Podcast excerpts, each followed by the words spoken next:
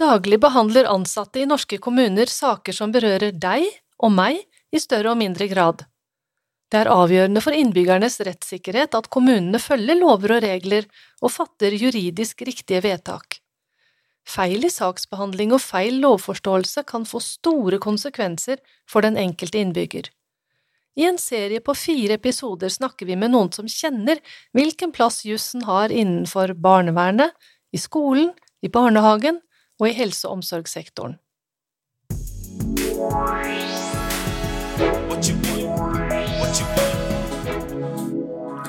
I denne episoden skal vi snakke om hvilken plass jussen har i barnevernet. De ansatte i barnevernet må ta avgjørelser som er mest mulig riktige og forutsigbare. Avgjørelsene skal ha grunnlag i lover og regler, og ikke i tjenestens eller kontaktpersonens egne oppfatninger. Barnevernstjenesten og den enkelte kontaktperson må opptre på en betryggende og tillitvekkende måte. Hvis du, eller noen du er glad i, blir utsatt for feil saksbehandling og feil lovforståelse, så kan det få store konsekvenser. For å snakke litt om hvilken plass jussen har, eller kanskje burde ha, i barnevernet, har jeg fått med meg jurist Ruth Rostad. Velkommen til deg, Ruth. Takk for det, veldig hyggelig å være her. Og vi har med oss Eirik Saltnes, som mange av dere kanskje kjenner igjen fra tidligere sendinger, e-læring eller webinaret med veilederen. Velkommen, Eirik. Takk for det. Og jeg heter Lisbeth Storvik Jacobsen, og nå er vi klare for å starte med den litt mer alvorlige delen.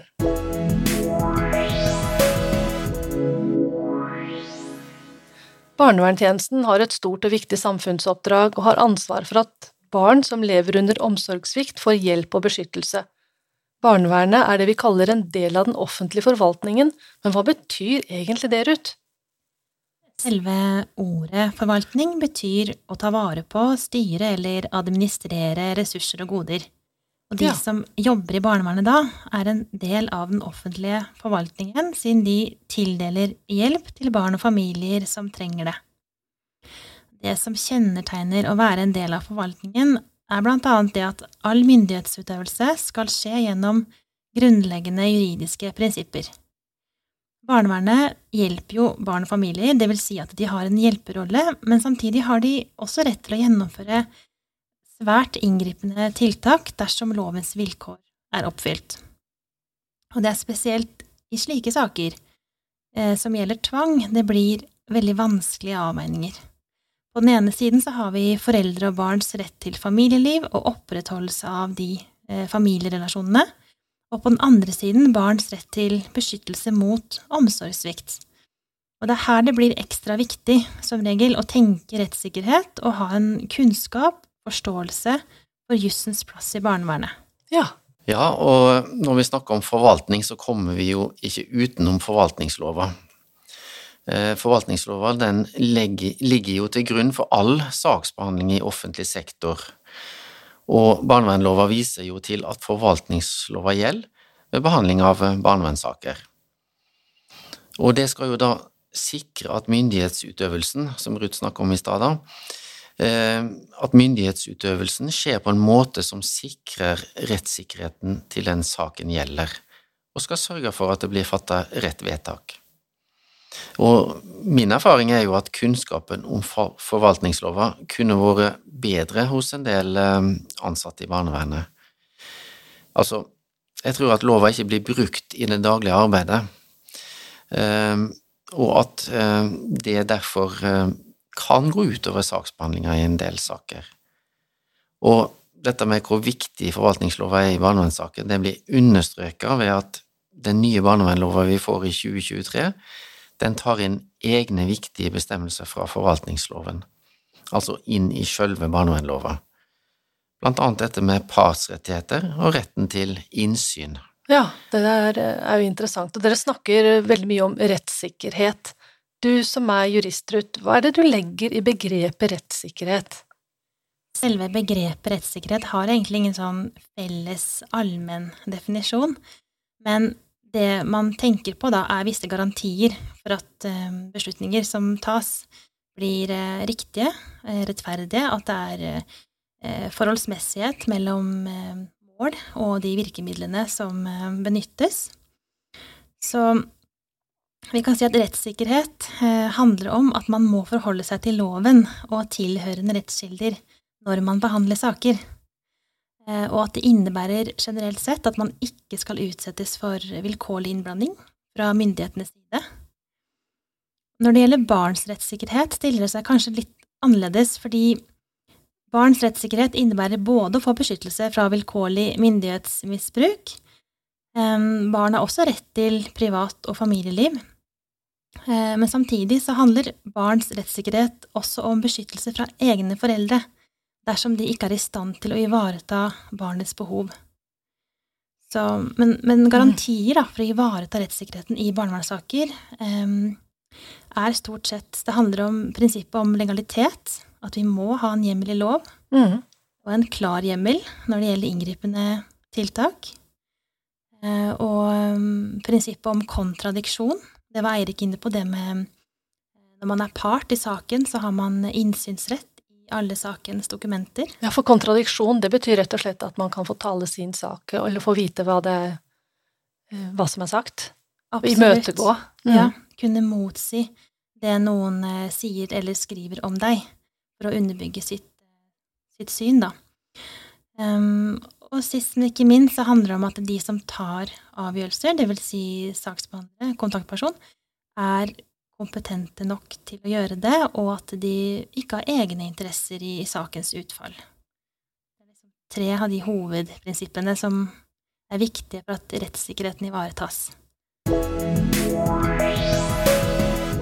Eirik, du har jobbet mange år som leder for en barnevernstjeneste og kjenner tjenesten og saksbehandlerens rolle og ansvar veldig godt. En saksbehandler i barnevernet må både ha mye kunnskap om juss og om barn og familier. En undersøkelse som Rambøll har utført på vegne av Juristforbundet, har vist oss at bare litt over halvparten av kommunene i Norge har ansatte jurister, og at de kommunene som har jurister, ja, der brukes det mest som støtte i ledelse eller på fagområdet for plan og bygg. Hva tenker du når du hører det? Ja, altså det første jeg tenker her er jo at um, barnevernet har um, mye bruk av jurister, og da også advokater, knytta til uh, fylkesnemndsakene. Fylkesnemnda kom jo med den loven vi har i dag, i 1993, og alle sakene for fylkesnemnda blir jo ført av advokat, altså kommunens advokat. Men uh, den siste tida så er det jo flere og flere jurister som også har blitt ansatt i sjølve barnevernstjenestene, og de bidrar jo med svært verdifull kompetanse, både i enkeltsaker og generelt for å bedre juskompetansen i tjenesten. Og på samme måte så bidrar jo psykologer i barnevernet med verdifull kompetanse på det psykologfaglige planet. Ja. Men det som jeg syns er litt viktig å få fram her, er jo at barnevernstjenestene i Norge de er jo store og små. Og det er urealistisk og heller kanskje ikke ønskelig at alle tjenester må ha jurister og psykologer. Og det er jo selve poenget med barnevernsfaget, at juss og for å si det litt enkelt, altså juss og psykologfaglig kompetanse skal finnes i samme fagperson. Og jussen er jo da en integrert del av den barnevernfaglige kompetansen som sosionomer og barnevernpedagoger særlig da har. Um, og så er det jo andre ting også, som kunnskap om familie, samfunnsforhold osv. Så, så jeg syns nok det aller viktigste er først og fremst å heve den juridiske kompetansen hos den jevne barnevernsarbeider, både innenfor dagens bachelorutdanning, uh, og etter hvert så blir det jo krav om mastergrad. Ja, det skal vi snakke litt mer om etterpå. Ja, ja. Og i, sånn som jeg har forstått det, så vil det i denne mastergraden nå bli lagt opp til en nasjonal juseksamen nettopp for å styrke jusfaget eller jusdelen av eh, barnevernfaget. Men Ruth, hvorfor er det så viktig altså, nå, har, nå har Eirik eh, egentlig sagt veldig mye om det, men jeg tenker hva tenker du er viktig med at saksbehandlere i barnevernet kjenner lovverket godt? Eh, først vil jeg si at jeg er veldig enig i det Eirik sa nå, og legge til det at jeg tror ikke det nødvendigvis er så mye som skal til før at man opplever økt trygghet og mestring som saksbehandler i barnevernet, fordi vi får jo en del spørsmål på ting som jeg tenker at det her Hvis de hadde hatt litt juridisk metode, ja. eller lært litt mer om det, så hadde de kunnet resonnert seg fram til svaret på den problemstillingen selv, da, og følt at det her Oi, nå er jeg på trygg grunn. Ja, ikke sant? Mm. Eh, men hvorfor det er viktig for saksbehandlere å kjenne lovverket godt, er jo Det er veldig mange grunner til det. Men kjennskap til lovverket, eller å kunne lovverket godt, er først og fremst en forutsetning for å kunne gi riktig hjelp til riktig tid. Um, og så er det også da en forskjell på å kjenne lovverket man praktiserer, og det å kunne, kunne litt om hvordan man skal finne svar på juridiske problemstillinger. Fordi loven gir ikke alltid et tydelig svar. Man må Nei. kunne eh, resonnere, man må kunne noe om den juridiske metoden for å kunne um, slå opp andre steder. Eh, selv om, selv om barnevernretten i utgangspunktet er et veldig lovregulert område, så er det ikke mulig å lovregulere eh, barnevernssaker ned i minste detalj fordi de er så forskjellige. Ja, så det er, det er kanskje ikke noe poeng å å ha det ned til minste detalj heller? Det, Nei, det ja. hadde ikke vært mulig, fordi det vi sitter igjen med da, er eh, mange standardiserte vedtak eh, og lite fleksible, fleksible løsninger. Og det, det, kan vi jo ikke, fordi eh, det handler jo om barn, og alle barn er forskjellige. Så vi er nødt for oss å etterlate en del skjønnsutøvelse til de ulike lovbestemmelsene. Altså barnevernloven har en rekke bestemmelser som etterlater Eh, mye skjønn da, til saksbehandleren, og derfor så må vi ha mer kompetanse om juridisk metode. Ja, for de må kunne tolke loven, det er ikke bare å lese ordlyden. Det er ikke det, eh, og jeg tenker at når man har en rett da, til å kunne utøve så stort skjønn på et så viktig område, så forutsetter det også en plikt til å kunne utøve den skjønn, skjønnsutøvelsen på en ordentlig måte. Ja, Eirik? Ja, det er veldig viktige og fine betraktninger eh, du har der, Ruth. Og jeg tenker jo sånn at de som går inn i barnevernsyrket, de, eh, de, har ønske om å hjelpe barn, sant. Det er det som er utgangspunktet for å velge akkurat det yrket. Eh, og, det skal man gjøre når en jobber i barnevernet, men samtidig så er det da viktig å vite hvilke rammer man har. Fordi hvis, hvis en ikke kjenner altså loven og de rammene loven gir, så kan en kanskje gripe inn for raskt, eller man kan gripe inn for, for seint. Eller man kan gripe inn på en feil måte, og så.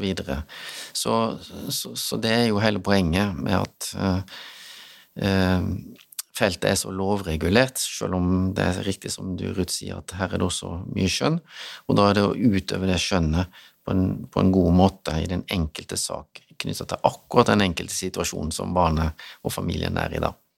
Men har eh, regelverket som barnevernet må forholde seg til, blitt mer komplisert enn det var tidligere? Eh, nei, det syns jeg ikke at det har blitt mer komplisert, men kravene til eh, eh forsvarlighet, altså kravene til å gjøre rett, da, de tenker jeg nok eh, har blitt litt skjerpa. Ja, hvorfor det? Um, Nei, det er Altså, barnevernet har, som vi har vært innom, stor myndighet. Det er stor oppmerksomhet om barnevernssakene, og det er bra. Vi har tilsynsmyndigheter som er veldig strenge, de har tilsyn i barnevernstjenestene. Vi har EMD, altså disse dommene i Den europeiske menneskerettsdomstolen, som også er fulgt opp av Høyesterett. Og de gir jo føringer for praksis i barnevernet. Og det er klart, når saker blir behandla av ja, jeg vet ikke hvor mange dommere som er med i EMD, men i disse storkammersakene i Høyesterett så er det iallfall elleve dommere som har gitt føringer for um, praksis i barnevernssaker. Og, og, det er klart at eh, sånne ting er kjempeviktig eh, å få med seg. Og så er jo media på alerten, for ja. å bruke det uttrykket. Ja, for det ser vi jo. Det, det, er stadig saker fremme i media. Det ser vi, og media er også en viktig eh, korreksjon Eh, selv om noen ganger så kan jo sensasjonsønsket hos media kanskje overskygge lite grann, men, men media kan også være med å korrigere barnevernets praksis, da. Og så er det særlig én ting jeg vil trekke fram, knytta til dette her med om regelverket har blitt mer komplisert. Nei, det har ikke blitt mer komplisert, men kravene er strengere, og da er for eksempel dette med kravet til dokumentasjon blitt eh, strengere, sånn som jeg opplever det. Og det, i den nye barnevernloven som vi snakket om i stad, som kom i 2023, så, så er dette med, med, kravet til eh, journalføring eh, trukket fram i en egen bestemmelse. Så, så, så selv dette med å dokumentere eh, valgene barnevernet har gjort, og hvorfor de har gjort disse valgene, mm. de, er, de er kjempeviktige, og det har blitt mye viktigere enn før. Eller iallfall mer fokus på det. Det var like viktig før, men, men, det har blitt mer fokus på det nå, da. Ja, jeg tenker også at det stilles strengere krav, selv om noe av dette har vært gjeldende rett egentlig hele veien. Vi har jo hatt eh, forvaltningsloven som har stilt krav til begrunnelsen i vedtak lenge, eh, og hvor grundig dette skal gjøres, har alltid vært avhengig av hvor inngripende et vedtak er. Men det har langt ifra vært like mye fokus på det som nå. EMD har jo avgjort en rekke saker som går på de prosessuelle kravene, dvs. Si reglene for eh, saksbehandling i barnevernssaker. Og for eksempel så har jo kravene til begrunnelsen at de, det kravet ikke har vært eh, tilstrekkelig innfridd, og at beslutningsgrunnlaget ikke har vært oppdatert, vært veldig ja, ja veldig sentralt. Ja, hva, hva, mener du med at beslutningsgrunnlaget ikke har vært oppdatert? Det betyr for eksempel at det er brukt eldre utredninger som ikke gjenspeiler foreldrenes omsorgskompetanse på det tidspunktet saken er til behandling i nemnda eller i domstolene. Eh, og det har også vært, eh, sånn som Eirik var inne på, det med å dokumentere, da. Det var vanskelig å lese i ettertid hvorfor barnevernstjenesten har gått til eh, såpass alvorlige skritt, da, som å gjennomføre inngripende tiltak som omsorgsovertakelse eller adopsjon. Så dette er jo nå skjerpet, både av føringene fra EMD, men også gjennom våre egne nasjonale domstoler. Og nå er disse kravene også tatt inn i den nye eh, barnevernloven. Så det betyr i praksis at barnevernstjenesten nå må dokumentere i økt grad hvorfor de gjør som de gjør. Og det gjelder både av barnevernsfaglige vurderinger, men jussen må også være på plass. Ja. Ville du si noe til deg, Erik? Nei, jeg bare syns at det var godt forklart. Ja. Eh, Ruth, så, så, det er ikke så mye mer å si om det, egentlig. Nei, det er jo bare det at eh, det har jo Altså, for eksempel barns rett til å bli hørt har jo vært gjeldende rett veldig lenge. Eh, vi har jo hatt det i Barnekonvensjonen, men vi ser jo at det er enda et problem med å få det inn i, i enhver barnevernssak, at barn blir hørt. Så mm. det at det blir forankra i, i loven, er jo veldig viktig. At sånne type regler blir veldig, veldig tydelige. Ja, og det tenker jeg vi skal komme litt tilbake til nå straks. Sakene som barnevernet behandler, det berører jo naturlig nok barn, det ligger jo i ordet. Og hvordan kan barnevernet best ivareta barnas rettigheter i saksbehandlingen, Ruth? Ja, altså barna er jo hovedfokuset i barnevernssaker. Eh, og barnas rettigheter er jo eh, forankra i både grunnloven vår og i menneskerettighetene, eh, hvor Barnekonvensjonen er den viktigste rettskilden når det gjelder barns rettigheter. Og de er våre høyeste rettskilder, og det vil si at de går foran annen lovgivning. Og mm, disse er vi helt nødt til å følge om vi skal ivareta rettssikkerheten for barna.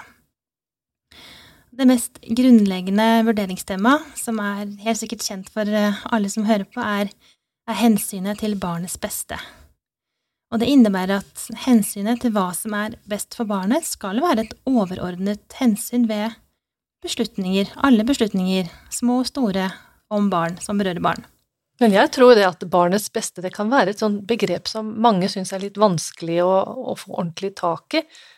Um, kan du prøve å forklare det litt nærmere hva som ligger i det? Ja, eh, jeg tenker også at det er litt vanskelig, for det er heller ikke noe sånn entydig, en felles allmenn definisjon på det. Um, og barnets beste er et juridisk begrep, eh, og ikke det vi selv tenker kan være best for et barn, eller egen standard for hvordan vi selv tenker at barn har det best. Det kan det være vanskelig mm. å skille på, vil jeg tro, når man står midt oppi saker. Um, og for å finne ut hva som regnes som barnets beste, da, så må man foreta en analyse av de rettskildene som er relevante i den konkrete sammenhengen man står overfor.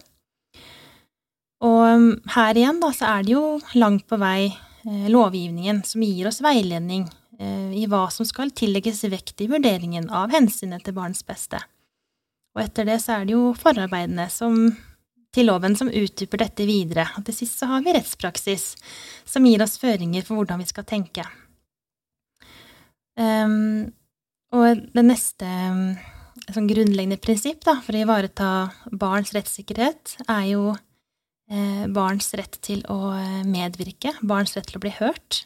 Og den er vi helt avhengig av at uh, følges tilstrekkelig for at vi skal finne ut hva som er hensynet til barnets beste. Så de to henger uløselig sammen.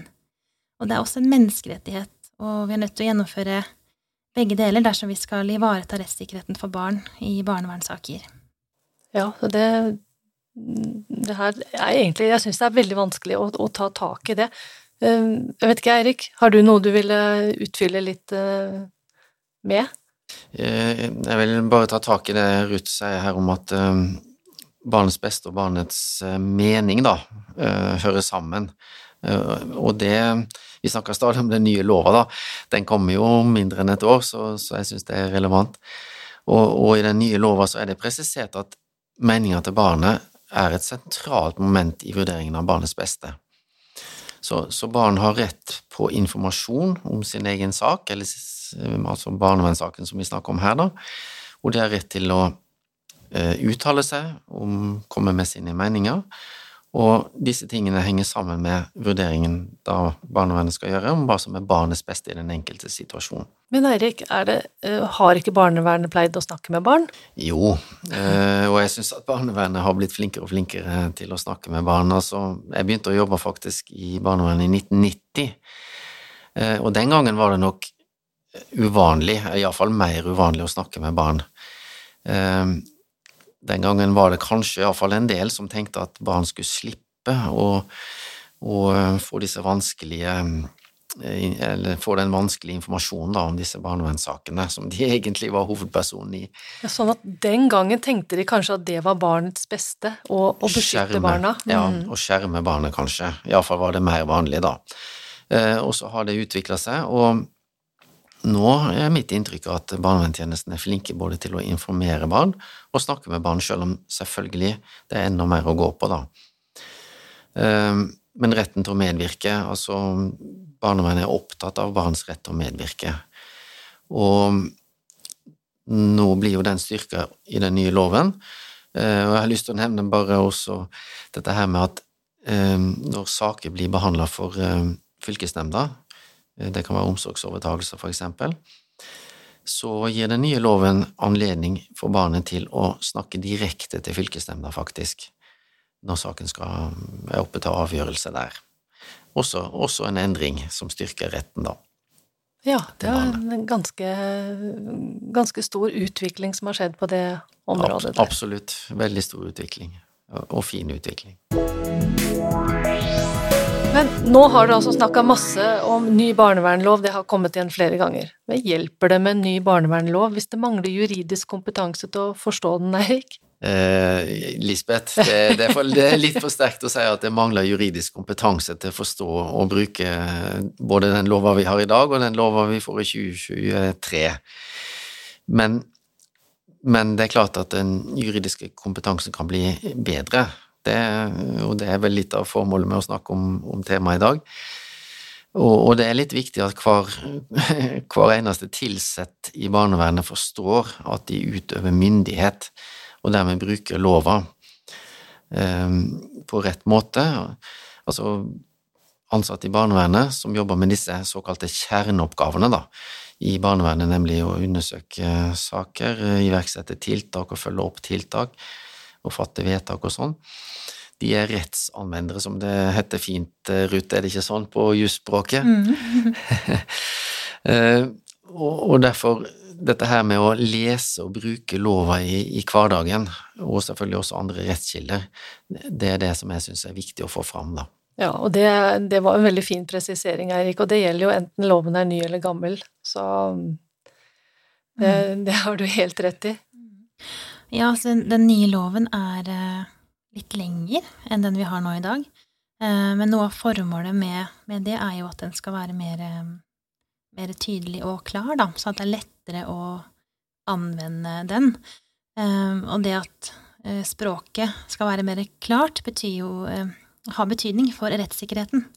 Altså, Juss handler jo mye om begreper og ord og språk. og det er klart at det, Et klart språk gjør at det blir mer forutsigbart. Og det er jo det som er hele formålet med å ha en lov.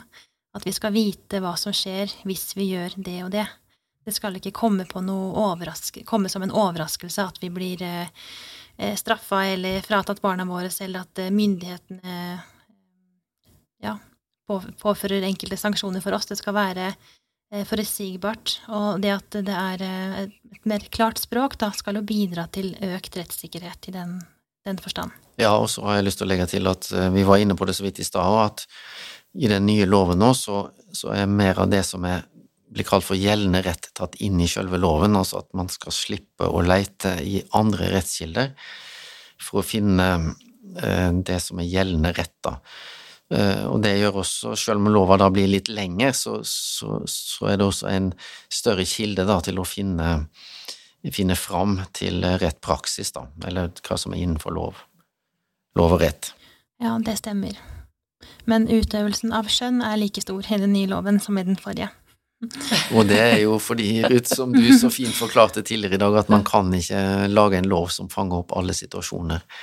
Det, det er ikke mulig. Ja, det lar seg ikke gjøre. Nei, og for, for barnevern handler også om å eh, så godt som mulig se fram i tid hva som er best for et barn, og det, det er ikke eksakt vitenskap. Nei, det er det ikke. Nå har vi fått et lite innblikk i hvorfor det er så viktig at de som jobber i barnevernet, også må ha juridisk kompetanse. Men hvis dere to nå skal trekke fram hvert deres råd på veien videre, hva ville dere si da? Vi begynner med deg, Ruth. Mm. Um, nei, da vil jeg si at som ansatt i barnevernet er det ekstra viktig å holde uh, muligheten for å endre perspektiv underveis under saksbehandlingen åpent. At man ikke tidlig i saken bestemmer seg for, um, for hvordan de biologiske foreldrene er, da, eller bare har en arbeidsmodell hvor man på en måte har en fastspikra hypotese, hvor man samler inn data under, og så kanskje man da samler litt ekstra data som underbygger sitt eget standpunkt og hypotese, og da blir det en, en skjev eller feil saksbehandling fordi grunnlaget blir ikke riktig. Og da er det større mulighet for at resultatet blir feil.